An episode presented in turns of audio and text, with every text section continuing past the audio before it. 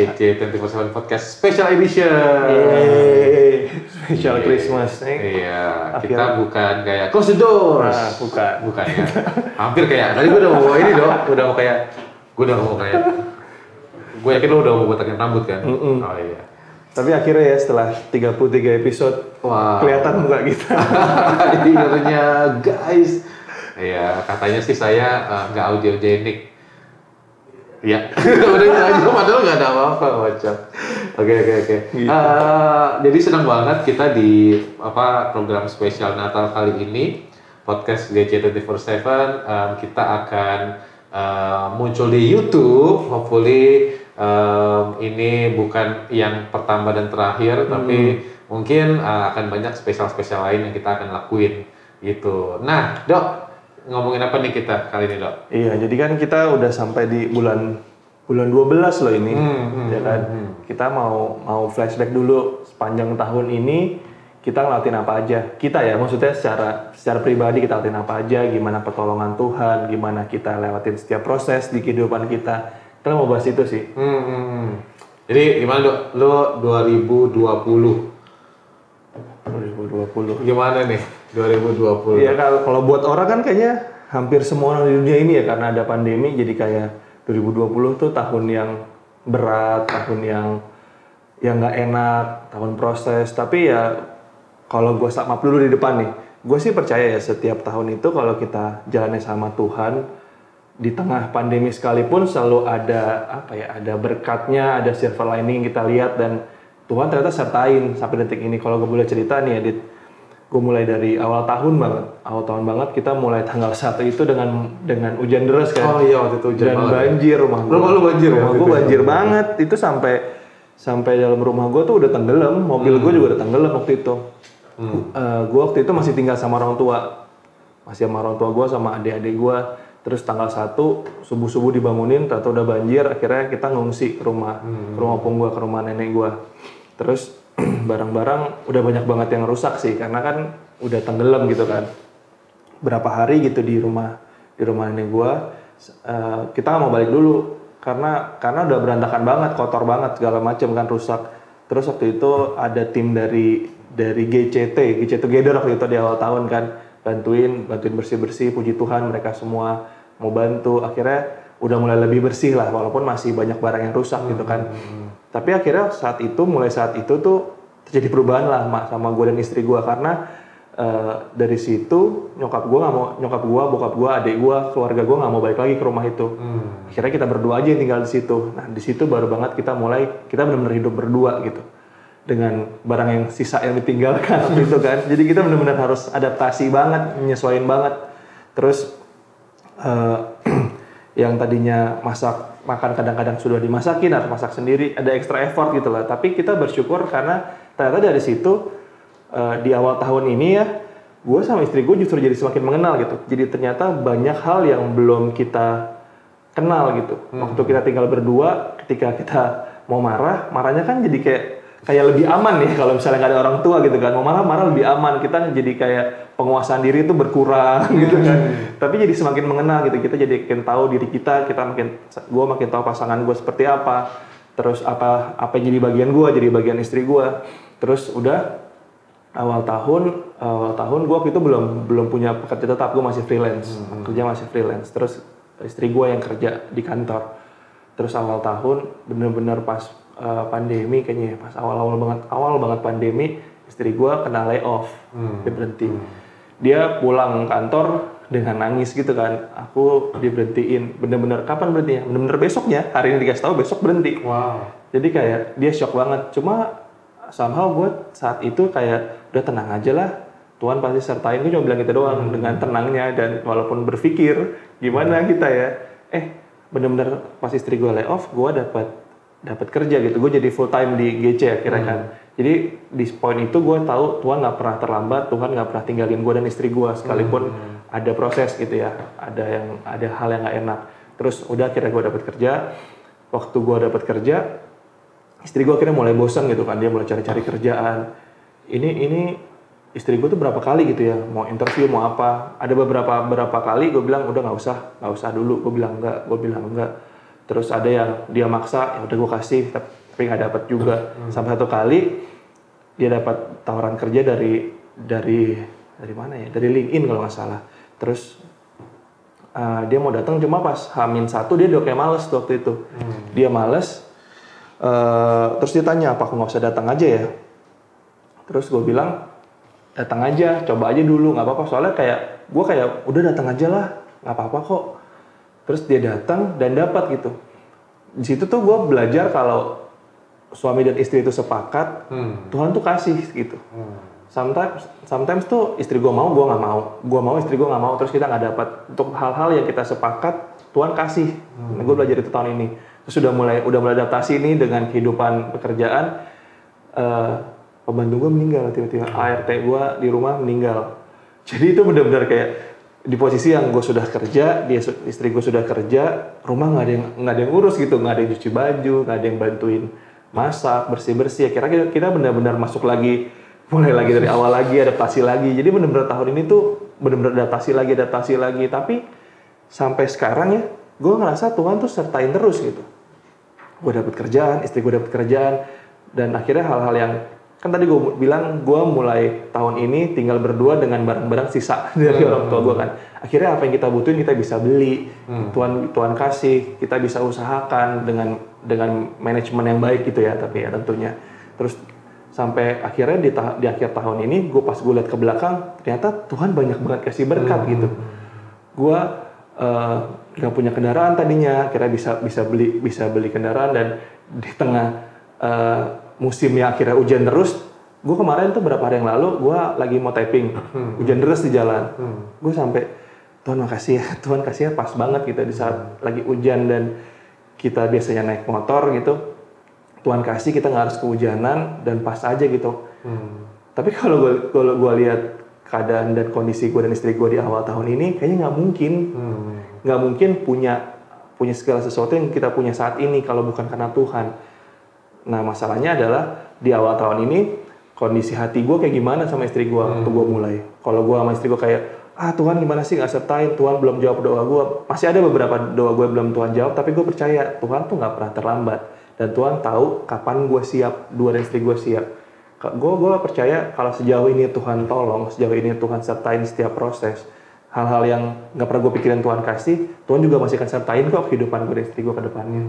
Jadi gitu sih kira-kira kalau gue santap eh, setahun ke belakang gitu apa aja proses yang gue alamin secara pribadi sama Tuhan tuh luar biasa banget sih Wah. kalau lu gimana dit? Em, puji Tuhan sih, gue ngerasa mungkin sama kayak lo ya. Em, jadi kalau gue pribadi kan selalu punya selalu punya yang namanya resolusi ya. Gitu, aduh gue pengen banget nih em, ini ini dan ini. Waktu itu ada empat hal yang gue pengen dan itu gue tulis di handphone. Gitu, jadi gue nggak nggak lupa. nah, em, terus di awal tahun itu em, salah satunya gampangnya adalah gue pengen turun berat badan gue guys. Eh, eh, sama lari satu bulan 21 kilo. Tapi semua itu hanya fana. Jadi gua gua sih inget kayak waktu apa waktu di awal-awal semangat tuh masih besar banget kan. Terus kan em, ada ada beberapa kali banjir. Terus eh, ada banyak lah gitu. Kalau kalau kalau masih ingat ah, ah, apa kayak banyak literally itu banyak banget banjir satu terus ba- ada banjir lagi kalau nggak salah kan, gitu. Jadi beberapa kali banjir dan gue pikir ini kenapa ya? Eh, maksudnya kayak em, eh, apa yang akan terjadi 2020 cuma kan itu kan hal yang sudah sering terjadi kan mungkin kita pikir gitu. Nah gue masih ingat eh, di eh, sebelum pandemi itu eh, udah mulai ada apa selentingan-selentingan tuh soal covid soal apa dan dan di perjalanan itu tuh kayaknya ini mulai apa ya ini mulai ada apa nih mulai ada keseruan apa nih. Jadi satu saat pas udah mulai heboh guys terus em, ternyata eh, nyokap gue itu em, kena covid. Gitu waktu itu di awal-awal banget tuh bener-bener di awal-awal waktu em, bahkan waktu wisma atlet itu belum ada. Gitu. Jadi em, awal-awal banget dan kita tuh semua masih belum tahu Eh, semua dokter tuh masih belum ngerti harus ngapain semua rumah sakit tuh masih harus bingung. Gue ingat waktu itu pas pertama-pertama eh, ngecek em, sakitnya nyokap gua dia selama tiga hari dia panas Um, terus dia pikir kayak, aduh ini kayaknya harus dicek nih, gitu. Akhirnya kita ngecek dan um, gue ingat waktu itu di rumah sakit Fatmawati, rumah sakit Fatmawati dan begitu sampai di sana um, ditolak. Tahu nggak? Karena dokter dokternya rumah sakit Fatmawati itu lagi diisolasi di Pulau Seribu. jadi kayak hah gimana ceritanya nih? Jadi itu tuh bener-bener bener-bener apa deg-degan sih. Um, jadi semua masih belum tahu. Akhirnya um, ada beberapa step lah yang dia saranin. Kayak akhirnya kita coba ngelakuin ini kita cek darah dulu habis cek darah kita um, ronsen waktu itu. Jadi semua udah udah sekalian dan besoknya kita datang lagi baru itu lebih make sense gitu. Uh, baru ketahuan kayak um, apa um, positif lah gitu positif covid waktu itu. Dan um, gue nggak tahu ya maksudnya kalau sama lo uh, kalau lo ngera- apa ngerasain satu penyakit yang kayaknya kesannya global banyak orang mati drama dong. Iya. Uh, Iya. waduh itu lo, ngerti lah ya maksudnya nyokap nyokap tuh akan kayak apa jadi ada beberapa hal yang kayak ya ampun sedihnya. Gue kayak ini nih um, apa um, sama yang gue jadi mengerti um, kadang memang semua itu ada di kepala kita gitu. Uh, maksudnya kayak nyokap gue tuh kayak udah khawatir banget nyokap gue udah kayak um, udah kayak pokoknya udah kayak mempersiapkan banget deh apa pun yang terjadi gitu. Terus gue bilang "Eh, enggak enggak enggak, udah nggak usah pikirin dulu tenang aja dulu gitu. Terus akhirnya waktu itu um, gue ingat uh, akhirnya ada wisma atlet gitu. Nah um, um, kalau masih ingat berita-beritanya tuh di tiga hari pertama wisma atlet tuh acak-acakan gitu. Nah kira-kira gue datang ke hari kelima atau ke enam gitu kalau nggak salah. Itu udah benar. Gue ingat gue datang hari minggu pagi jam 8, eh, jam 7 gue udah berangkat. Em, kita waktu itu pengen ke rumah sakit eh, pasar minggu. Terus akhirnya enggak deh kita langsung ke rumah sakit aja gitu. Jadi daripada kenapa-napa karena waktu itu kan tujukannya cuma di semua atlet em, pasar minggu atau yang di em, Jakarta Timur tuh. Yang ah, lupa gue namanya. Jadi em, waktu itu nggak banyak pilihannya. Nah akhirnya gue ke Wisma Atlet dan itu jam 7 jadi itu seru banget. Jadi kalau lo kalau lo tahu apa sering main Resident Evil gitu ya kayak keren banget. Kayak semuanya tuh kayak uh em, orang-orang bener-bener pakai APD lengkap kan. Waktu itu kan serem kan gitu. Gua pun merasakan di situ eh, betapa takutnya gua gitu. Kayak nih kalau gua kalau gua positif gimana nih karena em, nyokap gua kan udah positif jadi gua begitu datang ke sana memang mau nganter gitu nah si dokter tuh udah bilang em, apa gue sama adik gue nganter itu pasti harus isolasi juga. Kenapa? Karena em, kontak eh, Iya. erat kan gitu. Terus em, akhirnya kita bilang kita nggak bawa baju gimana dah gitu. Terus em, di rumah ada anjing gitu. Jadi nggak mungkin. Nah gue masih ingat waktu itu akhirnya kayak em, apa kita em, rapid test waktu itu kan masih belum belum banyak ya alatnya kita rapid test. Terus negatif apa non reaktif gitu kayak wah banget. Kenapa? Karena gue tuh udah gue ini napas gue kenapa berat banget nih? Gue udah gue udah kayak gitu kan Yesus gue udah takut banget. Dan akhirnya gitu mas gue kayak uh, non reaktif bahkan gue ingat dokternya tuh sampai sampai bingung gitu. Maksudnya kayak apa adanya kayak ini kayak aneh nih. Maksudnya bisa satu rumah satunya positif eh, satunya tuh kayak duanya lagi tuh non reaktif bahkan adik gue yang sempat tidur bareng itu tuh nggak reaktif sama sekali gitu. Jadi puji Tuhan banget sih gue ngerasa eh, dari situ aja sebuah penyakit yang sudah global ternyata em, at least keluarga gue dan gue itu part of the history gitu. Salah satu yang yang em, apa yang menakjubkan lah di 2020 buat gue ya. Itu kisah gue yang em, lumayan panjang tuh karena kan prosesnya tuh lama banget terus kayak em, em, hampir memakan waktu yang cukup banyak sih gitu. Gue ngerasa itu tuh salah satu yang seru sih di tahun 2020 gue nah em, dok gue mungkin nanti ada banyak cerita lagi nih pasti. Gue tuh pengen nanya sama lo kayak misalkan lo ngeliat em, apa ngeliat apa yang Tuhan lakuin di hidup lo nih gitu sampai ke titik sekarang. Em, ada ini gak sih? Ada apa ya ada em, apa main story-nya nggak yang lo kira-kira tangkap apa sih yang Tuhan mau sama lo eh, kira-kira pelajaran apa yang yang lo tangkap banget nih Ya pelajaran yang utang banget. Pasti pertama percaya sama Tuhan. gue sih bener-bener, ya bener menurut gue, gue gue tuh percaya. ya, Set- akhirnya gue percaya setiap hal yang Tuhan yang gue lewatin gitu ya. Tuhan eh, nggak ada satupun yang yang gue lewatin tanpa seizin Tuhan. Gue percaya itu sih. Ngomong sakit gue jadi ingat gue juga pernah sakit waktu itu. Tahun tahun ini bulan bulan Mei kalau nggak salah. Gue sakit habis makan gue kayak makan makan cabai terus waktu itu. Terus badan gue panas terus gue sampai sampai alergi. Padahal gue alergi nih ada jelas nih ya. Tapi pas ke rumah sakit gue takut covid waktu itu. bener-bener emang ketakutan itu tuh ada gitu. Dites rapid test dimasukin ke bangsalnya yang covid gitu kan kita takut gue juga juga takut kan ternyata ternyata non reaktif ternyata cuma bakteri. Tapi di di situ tuh gue ngerasa ah, ini pelajaran lagi ini gue ngerasa eh, hidup gue ini semuanya udah Tuhan atur gitu Tuhan pegang gitu. Gue nggak perlu takut sama masa depan gue gimana selama gue percaya sama Tuhan. Karena di masa banyak eh, di masa pandemi yang semua manusia takut sama penyakit apa sih sebenarnya yang ditakutin ketika kena? Hmm, mati kan pasti kan pasti kan itu yang itu yang bikin kita jadi makin takut ah mati nih ya kena nih mati nih. Padahal sebenarnya sebenarnya ketika Tuhan izinkan Tuhan punya rencana gitu. Ya mati pun Tuhan punya rencana. Gue gua, gua percaya itu Tuhan punya rencana. Nah gue percaya gitu waktu misalnya gue waktu pas gue kena penyakit itu saat itu bukan covid ya gue sakit gue makin bersyukur sama hidup gue gue makin bersyukur sama sama kesehatan yang gue punya. Tuhan gue mau sehat lagi kalau gue sehat ya gue nggak mau makan cabai sebanyak itu. Janji Tuhan walaupun tetap ada miss manusia kan? Tuhan janji gak mau makan cabai Iya, sebanyak itu lagi. Tapi maksudnya ketika kita ngalamin proses yang nggak enak kita justru semakin bersyukur sama apa yang sudah kita punya. Tapi waktu kita waktu kita baik-baik aja kadang kita lagi tenang-tenang aja kadang kita lupa bersyukur sama apa yang kita punya karena kita fokus sama apa yang belum kita punya gue belajar itu sih. Ya kalau main story-nya dua. Satu gue selalu percaya sama Tuhan. Tuhan selalu selalu pegang kendali dalam hidup gue kedua bersyukur aja sama apa yang kita punya. Jadi kayak cukupin aja sama apa yang kita punya. Kalau misalnya butuh sesuatu ya adjustment dari apa yang kita punya. Gue percaya tubuh kita tuh maksudnya gue sama istri gue gue selalu bilang kita tuh punya kapasitas. Kalau kita butuh sesuatu kita minta sama Tuhan kita adjustment dari apa yang kita punya. Boleh kita boleh kita berusaha lagi tapi jangan lebih dari kapasitas kita gitu.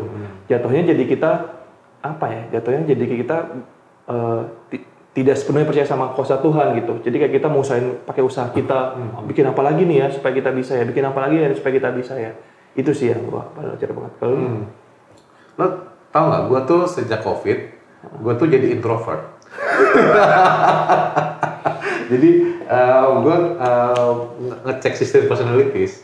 Jadi dulu tuh em, kalau gue cek sistem personalities, gue tuh em, 55% extrovert, 45% introvert. Nah, gue ngecek lagi tuh gue lupa bulan apa ya, apa eh, dua bulanan inilah gitu. Itu gue tuh jadi lim, eh, 60% introvert, 40% extrovert.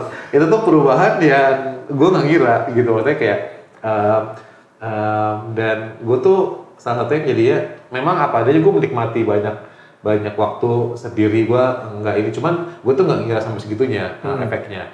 Nah em, em, sama yang gue mungkin gue jadi keinget maksudnya kayak banyak em, journey at least kayak em, banyak orang yang yang sekarang em, menikmati work from home, menikmati banget nggak empet-empetan di kendaraan umum, gitu nggak macet-macetan gitu. Dan em, apa nikmatin banget begitu bangun kayak lu cuma butuh waktu berapa menit terus lu bisa kerja misalnya kayak Iya, gitu ya. Em, itu pasti salah satu yang enak banget ternyata. Tapi itu tuh gua nggak nyangka itu merubah merubah gua secara psikologis gitu. Nah, hmm, salah satu yang akhirnya gua kayak hmm, Tuhan em, kenapa ya? Kenapa maksudnya em, gua tuh ngecek sampai tiga kali dan itu tuh beneran nggak berubah.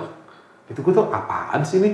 Em, dan akhirnya gua ngerti kayak em, somehow somehow gue ngerasa kayak di era kayak gini yang Tuhan lagi ingetin adalah Dit, em, apa kalau kalau apa ya kalau keadaan itu beneran bisa ngubah lo ke dari ekstrovert ke introvert em, apa lo perlu ini lagi lo perlu perlu gali lebih dalam tentang hidup lo. Lo perlu apa ya mungkin salah satu yang bikin gue menolak itu jadi adalah karena em, gue nggak bilang gue introvert tapi gue nggak se introvert itu gitu. Eh, jadi yang gue ngerasa adalah em, di tahun 2020 oke dit lu perlu remember who you are. Gitu maksudnya em, apa sih eh, lu masih inget gak sih panggilan lo, lo masih inget gak sih Tuhan tuh panggil lo buat apa? Gitu karena ini apa adanya. Gue tuh lupa apa yang terjadi sebelum era pandemi. Iya, iya. gitu nggak ada hal yang em, berkesan selain tahun 2020 ini. Gitu semuanya tuh gue lupa. Eh, kalau lo tadi nggak mention soal banjir di awal mungkin gue akan nggak akan Iya, inget gitu. Kalau Jakarta tuh pernah banjir segitunya. Dan gue masih inget foto yang lo kirim tuh lumayan tinggi ya rumah lo dua lantai. Lan- masuk lantai tiga ya kalau nggak salah ya? Enggak ya? Gila ya, dua lantai katanya. Padahal cuma selantai. Iya, tapi gue masih inget kayak itu tuh jadi jadi apa salah satu momen yang harusnya diingat. Karena itu budgetnya lumayan gede ya. Iya. Nah dan mm, satu yang gue akhirnya tangkap adalah di akhir-akhir ini malah mm, dari akhir November sih kayaknya. Gue tuh ngerasa kayak em, Tuhan tuh lagi bawa untuk ingetin lagi dia, lu tuh inget gak sih lu tuh siapa, panggilan lu tuh apa, apa yang Tuhan taruh di hati gua, em, apa sih talenta yang Tuhan udah kasih? Gitu. Karena itu tuh easily banget kayak em, terdistract gitu. Em, gua sadar kalau dulu em, apa ya ngerasain eh, hadirat Tuhan, kita lagi butuh Tuhan banget, tinggal datang hari Minggu duduk diem terus udah tutup mata gitu. Nah sekarang tuh susah banget ya. Iya. Sekarang kita harus ngeliat layar guys gitu. Em, kalau dulu enak tuh ada suara apa em, bass kenceng banget gitu, jeduk jeduk jeduk gitu. Nah em, dan yang paling gue ingat adalah apa em, kemarin hari Selasa kita lagi Natalan volunteer kan ada pertanyaan tuh apa hal yang paling dikangenin eh, selama gereja offline Hmm, nggak ada yang jawab family time. Iya. gitu kalau lo ingat itu tuh nggak ada yang jawab family time. Gila kita tuh bener-bener lupa loh. Iya. maksudnya em, betapa enaknya kayak halo shalom gitu. Kayak halo shalom guys halo gitu gitu karena itu tuh bukan hal yang em, apa bener-bener lupa. Gue tuh bahkan lupa kayak oh ada ya? G- GC tuh dulu kita punya family time gitu. Em, siapa yang masih kangen sama family time boleh tulis di kolom. Kayak gitu ya. Nggak, kita nggak gitu ya kalau ngomong. Uh, tapi kalau masih ingat kita tuh punya family time gitu. Dan salah satu hal yang gue ngerasa gue pribadi kayak oh iya ya em, dulu waktu family time itu udah sering banget ternyata gue tuh lupa banget gitu. Betapa kayak ketemu banyak orang tuh seru gitu. Dan mungkin itu yang jadi jadi merubah gue banget sih gitu. Nah em, waktu kita tinggal dikit lagi dok, gue akan punya satu mungkin satu pertanyaan yang kita bisa sama-sama em, jawab. A- Arti Natal buat Valdo. Natal ya, setelah apa yang gue lewatin se- sepanjang tahun ini gitu ya. Tapi gue sedikit eh, dari dari cerita lo, Dit, gue juga apa ya, gue gue mulai berpikir gitu ya, ketika kita sama fokus sama sesuatu yang yang kita lagi fokusin banget nih, kadang kita lupa sama apa yang sudah kita lewatin gitu. Kita dulu gitu kan. Jadi kalau kita fokus sama Tuhan, mau kita ngelewatin apa hal-hal nggak enak, ya kalau sama Tuhan kita fokus ke Tuhan aja terus gitu kan. Betul. Terus ya eh, makna Natal buat gue tahun ini adalah tahun di mana sama kayak tadi sih sebenarnya tahun di mana gue harus bisa lebih bersyukur sama apa yang gue punya. Tuhan, gue percaya Tuhan aja bisa jadi manusia gitu kan. Tu- Tuhan bisa turun sendiri untuk untuk nebus kita, untuk kasih keselamatan buat kita. Itu aja sudah sudah memberi arti bahwa nggak ada yang mustahil buat Tuhan selama kita percaya Iya, iya. dan kita jalan sama Tuhan.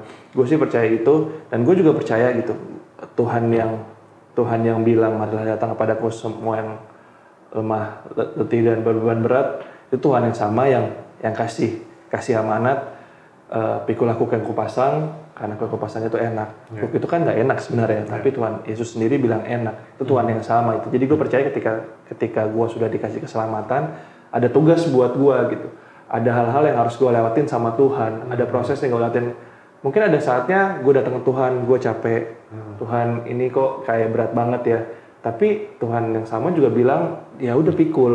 Kan jalannya sama Tuhan gue sih belajar itu ya tadi kayak lu bilang bener bener ada ada ada momen di mana gue bener-bener butuh hadirat Tuhan gitu ya yang di depan di depan layar lagi mau nyembah Tuhan bisa nyembah Tuhan tiba-tiba ada paket gitu kan? Susah juga kan? Kayak Hilang lagi ya. hilang lagi gitu kan?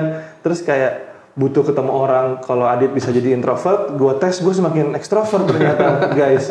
Kan gue sambil kuliah gitu kan pasti cek gue makin ekstrovert gue makin butuh orang lain makin butuh ketemu sama orang. Tapi gue percaya gue harus bisa survive ngelewatin masa ini ngelewatin proses ini sama Tuhan. Jadi makna Natal buat gue tahun ini adalah tahun gue belajar untuk bersyukur sama apa yang sudah gue punya dan tahun di mana gue harus tetap terus berjalan sama Tuhan karena Tuhan udah ngasih keselamatan dan Tuhan waktu Tuhan ngasih keselamatan gue punya tugas yang harus gue kerjain sama Tuhan. Gitu sih. kalau dari lu makna Natal buat lo gue tuh suka banget ya maksudnya saat Pastor Andy dapetin um, tema Natal tahun ini Salvation has come gitu. Um, sama itu buat gue menarik gitu kayak um, salvation itu selalu diidentikan sama Paskah kan? Iya, iya. gitu. Jadi um, Tuhan Yesus mati dan bangkit buat kita. Tapi kenapa um, apa Pastor Andy dapetin ini di Natal malah Iya, gitu? Itu salah satu yang membuat gue tuh menarik banget dan gue tuh mencoba mengerti gitu. Maksudnya apa sih hati yang yang yang Pastor Andi punya sampai dia tuh dapetin hatinya itu. Um, dan itu telah gue coba telaah gue coba refleksiin. Um, ternyata banyak ngomongin soal um, ya cerita gue di belakang gitu maksudnya kayak um, Tuhan tuh bisa jagain kita loh sampai sekarang Hmm, gitu loh maksudnya um, saat kita ngomongin apa keselamatan hid dia tuh beneran ja- jalan bareng Iya. ya kan Iya. gitu dari cerita lo ya cerita gua Tuhan tuh bener-bener jalan bareng sama kita gitu Em, apa eh, klise tapi kalau lo perhatiin di 2020 apa sih yang bikin kita hidup gitu Iya, bisnis iya. Banyak yang kena goncang. Eh, apa em, pekerjaan banyak yang di layoff banyak yang di PHK gitu. Kesehatan juga. Kesehatan juga kita selalu takut sekarang gitu. Ngomong uh, harus jauh-jauh gitu. Terus um, apa makan harus yang sehat sekarang gitu. Um, jadinya banyak hal yang kita kita pikir um, dulu gitu kita terima dengan mudah ternyata sekarang tuh susah gitu. Jadi gue tuh ngerasa salvation has come tuh literally itu hal yang simple banget. Gitu Tuhan tuh udah bawa loh. Gitu. Gue nggak kebayang sih setiap hari-hari gue di 2020 dengan pekerjaan gue dengan bisnis gue sampai sekarang puji Tuhan masih napas dan uh, uh, seperti yang kalian semua lihat masih tetap gendut. Gitu. Berarti kan puji Tuhan ya ini masih ada asupan makanan gitu. Uh, tapi gue masih ngelihat Tuhan tuh benar-benar baik sih gitu. Um, salvation has come tuh literally buat gue itu. Gimana setiap kita tuh berjalan. Gitu. Dan gue senang banget um, tadi di awal mungkin ada Tata yang bawain um, lagu yang bagus banget gitu. Mungkin bisa lihat ini suasananya. Kita suasana Natal banget kan sesuai sama lagunya. Um, tapi nggak cuma sampai situ teman-teman. Uh, habis ini kita punya cerita apa makna salvation uh, has come buat mereka apa yang mereka alamin dan gimana Tuhan tuh berjalan bersama-sama dengan mereka ya dong Iya. Jadi cerita yang pertama ini ada anggota anggota cool lah, anggota cool dia ngelewatin setiap proses yang dia ngerasa sudah benar-benar frustasi bahkan kayak gue jalan sama Tuhan, berjalan sama Tuhan tapi kok harus lewatin ini gitu. Tapi selalu kalau jalan sama Tuhan mungkin sometimes gak enak tapi ujung-ujungnya adalah kemenangan adalah Tuhan kasih salvation lagi. Nah kita bisa nonton cerita dari salah satu anggota cool kita. Um, dan sekalian kita mengucapin selamat Natal buat kita semua. Selamat tahun baru. Semoga makanannya dijaga. Uh, kalau mau kirim-kirim makanan uh, boleh ya. Iya. babi terima babi. Ya Terima dong. Ah, terima babi. Kita terima babi kita terima makan sehat juga terima. Dan dan ini kan tanggal 23 nih masih ada masih ada video-video lain yang harus bisa kita bisa saksikan ya di channel Grow Center ini. Iya, jadi kita ngucapin uh, thank you udah dengerin kita sampai di episode sekarang dan Minggu depan kita masih ketemu loh. masih ketemu ada, tapi tidak. Tidak dengan video. Tidak dengan video. kita kembali ke audio. uh, uh, jadi thank you banget Thank you semua. semuanya. Uh, Merry Christmas. Merry Christmas, God bless. Shalom, Bapak Ibu Saudara terkasih di dalam Tuhan Yesus. Terima kasih untuk satu kesempatan yang baik di dalam anugerahnya untuk bisa menceritakan satu kesaksian, pengalaman, perjalanan bersama dengan Tuhan Yesus. Dua tahun yang lalu, suami saya terpanggil untuk mengikuti program S2 Teologi di salah satu STT di Jakarta. Pada saat itu, saya masih bekerja sebagai perawat dan sekaligus saya juga adalah sponsor bagi suami saya. Pada saat itu, suami sangat bersemangat untuk mengikuti eh, proses eh, perkuliahan. Semester pertama berjalan dengan baik, semester kedua pun berjalan dengan tanpa hambatan. masuk ke semester yang ketiga. Pada saat itu, kami mendapatkan satu anugerah, yaitu setelah beberapa kali saya mengalami keguguran, akhirnya saya dinyatakan hamil oleh dokter kandungan. Bersamaan dengan itu, kondisi kesehatan saya semakin hari semakin menurun karena menyesuaikan dengan kondisi kehamilan saya. Fisik saya menjadi semakin lemah, dan pada saat itu saya harus memilih untuk tetap bekerja atau resign dari pekerjaan saya. Namun karena kondisi kesehatan saya pada saat itu dan kondisi kehamilan saya yang begitu sangat beresiko, akhirnya saya memutuskan untuk resign dari pekerjaan saya. Dan mulai dengan saat itu, kami benar-benar hanya hidup dengan mengandalkan Tuhan. Dan berjalannya waktu pada saat itu kami akhirnya ada di dalam satu posisi atau ada di dalam satu kondisi keuangan yang kurang baik. Sehingga kami harus benar-benar sangat teliti untuk mengatur prioritas-prioritas di dalam uh, pengeluaran keuangan kami. Sehingga pada saat itu kami mengambil satu langkah yang kami pikir itu adalah langkah yang bijaksana, yaitu suami memilih untuk cuti atau mengakhiri juga uh, kuliahnya atau tidak menyelesaikan kuliahnya karena kondisi keuangan yang sangat benar-benar uh, saat itu sangat tidak baik untuk keluarga kami. Dan akhirnya dengan pertimbangan dan juga uh, setelah kami sudah berserah dan juga berdoa, akhirnya di satu siang suami saya menghubungi admin daripada kampusnya untuk akhirnya suami saya menyatakan bahwa suami akan mengambil cuti atau berhenti juga dari kuliah uh, pada saat itu dan menjelaskan kondisinya atau kondisi kami pada saat itu seperti apa. Namun pada saat itu admin daripada kampus itu e, menyatakan akan memberikan respon setelah beberapa jam kemudian karena sedang ada dalam keadaan e, sibuk. Dan kami sangat terkejut, 4 jam kemudian ada WA masuk dari admin. Di saat kami sudah tidak bisa ada pegangan apa-apa di saat kami sudah memutuskan untuk akhirnya kami menyerah pada saat itu karena kami tidak mau menjadi batu sandungan kalau-kalau kami harus menunggak pembayaran atau tidak membayar eh, biaya-biaya uh, lain yang berhubungan dengan uh, perkuliahan pada saat itu. Ternyata Tuhan memberikan satu mukjizat bagi suami saya dan keluarga kami secara otomatis yaitu ada WA masuk dan WA tersebut menyatakan bahwa suami tidak perlu untuk cuti ataupun berhenti kuliah dengan alasan karena pembayaran atau apa pun yang berhubungan dengan uh, pembayaran untuk perkuliahan. Karena di saat yang bersamaan kampus sudah mendapatkan satu sponsor, satu donatur untuk suami saya dapat tetap melanjutkan kuliahnya, dapat tetap melanjutkan sampai dengan selesai.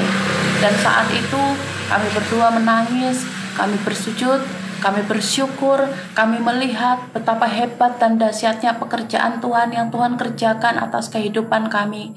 Ketika Tuhan sudah memanggil suami saya, kami percaya tidak ada rencana Tuhan yang gagal atas kehidupannya dan Tuhan sendiri yang sudah berfirman pada saat itu menyelesaikannya sampai dengan selesai. Dan saat ini suami saya sedang menyusun tesis dan saya pun sudah melahirkan anak saya dengan selamat, dengan sehat dan tidak kurang satu apa pun dan perlahan tapi pasti kehidupan perekonomian keluarga kami pelan-pelan dibawa naik dan pelan-pelan juga Tuhan terus memberikan hikmat kepada kami untuk kami boleh semakin bertumbuh di dalam pengenalan akan Dia. Dan uh, satu momen itu di dalam kehidupan kami menjadi sesuatu yang uh, luar biasa dan kami akhirnya secara otomatis belajar bahwa Tuhan adalah Tuhan yang menyelamatkan kami satu-satunya Tuhan yang adalah sandaran kami, satu-satunya Tuhan yang kami andalkan. Dan pada saat ini saya juga mengencourage Bapak Ibu Saudara terkasih di dalam Tuhan. Mungkin kondisi kita sedang ada di bawah atau bisa dikatakan sedang berada di dalam lembah kekelaman. Tetaplah percaya Tuhan adalah penolong di dalam kesesakan yang sungguh sangat terbukti dan janjinya adalah ya dan amin.